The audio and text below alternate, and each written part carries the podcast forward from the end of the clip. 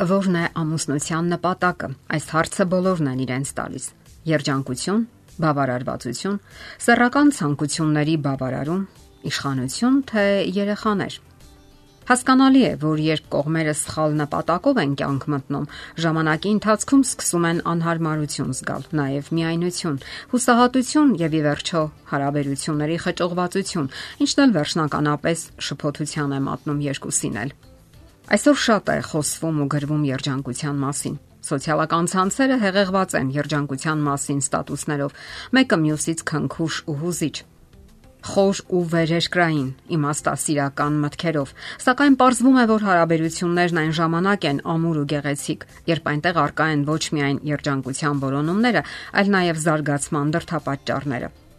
Երջանկությունն իհարկե գեղեցիկ է հնչում եւ անհրաժեշտ է, սակայն անհրաժեշտ է նաեւ, որ կողմերը գնան ճիշտ նպատակներով եւ ճիշտ ուղությամբ, որովհետեւ հարցն այն է, որ երջանկությունը փոփոխական զգացում է եւ հաճախ կապված է լինում տրամադրության հետ։ Այն կարող է գալ ու գնալ, կախված տարբեր գործոններից առողջական վիճակից, լավ ուտելիքից, գործընկերոջ վատ տրամադրությունից ու թունավոր ակնարկներից, մարդկանց ված սովորություններից, սիրելի թիմի հաղթանակից կամ պարտությունից եւ նույնիսկ քաղաքական իրավիճակից։ Մարդկային զարգացման մեքենա։ Այսպես է անվանել ամուսնական միությունը հոկեբան Կրկոտ ամուսնություն գրքի հեղինակ Դեյվիդ Շնարխը։ Եվ որpիսի ամուսնությունը հաջողակ լինի, հարկավոր է դուրս գալ անznական բարեկեցության անհոգ ու անխռով գոտուց։ Հարկավոր է ձգտել ինքնաճանաչման եւ անznական աճի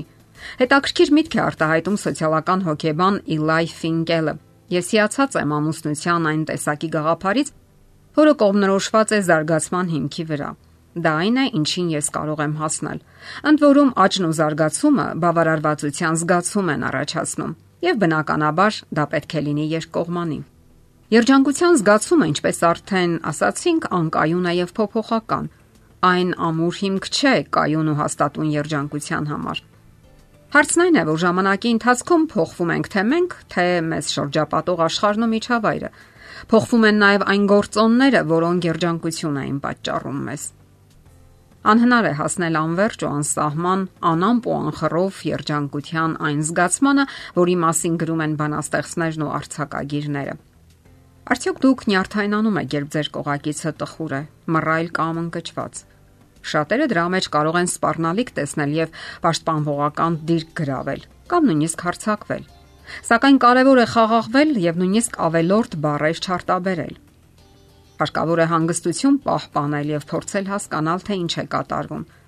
Փորձեք ընկալել դիմացինի դիրքորոշումը եւ հոգեվիճակը։ Միասին հատուկ ծրագրեր կազմեք, թե ինչպես եք ցանկանում վիճել, ինչպիսի ընդունելի պայմաններով։ Ինչպես ճիշտ վիճել եւ ինչպես միշտ հաշտ դուրս գալ այդպիսի իրավիճակներից։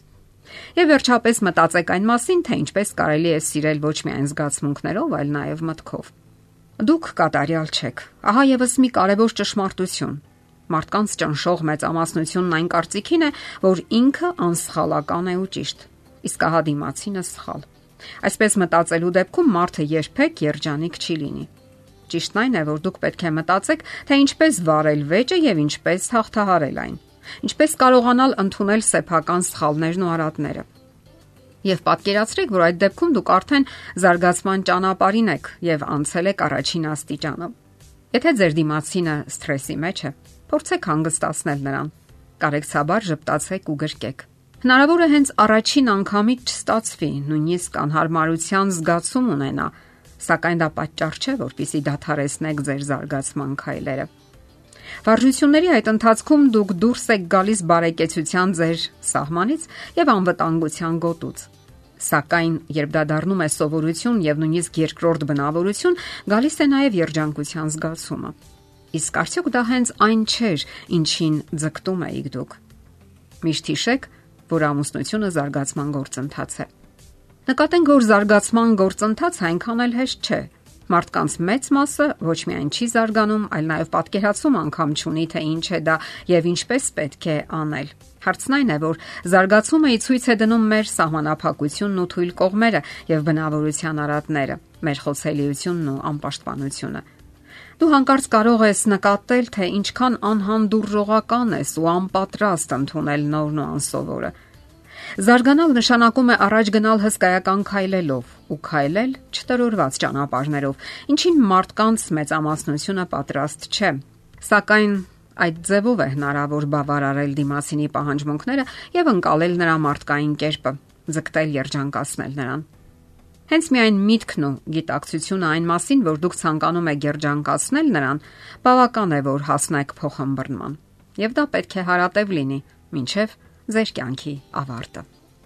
Եթերում է ընտանիք հաղորդաշարը։ Ձեզ հետ է Գեղեցիկ Մարտիրոսյանը։ Սերի եւ առաջարկությունների դեպքում զանգահարեք 041 08 20 93 հեռախոսահամարով։ Հետևեք մեզ hopmedia.am հասցեով։